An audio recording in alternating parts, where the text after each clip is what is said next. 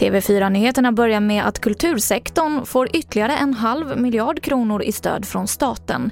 Det här meddelade kulturminister Amanda Lind under en pressträff för en liten stund sedan. Och det här är pengar som kommer att göra stor skillnad för kulturlivet. Det är en överenskommelse mellan regeringspartierna, Centerpartiet och Liberalerna. Paolo Roberto ska böta 15 500 kronor efter att ha köpt sex.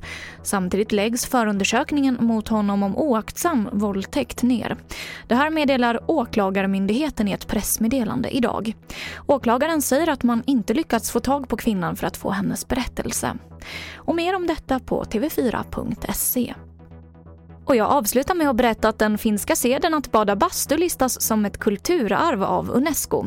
FN-organet slår fast att bastubadandet inte bara handlar om hygien utan också ger en känsla av inre lugn i kropp och själ.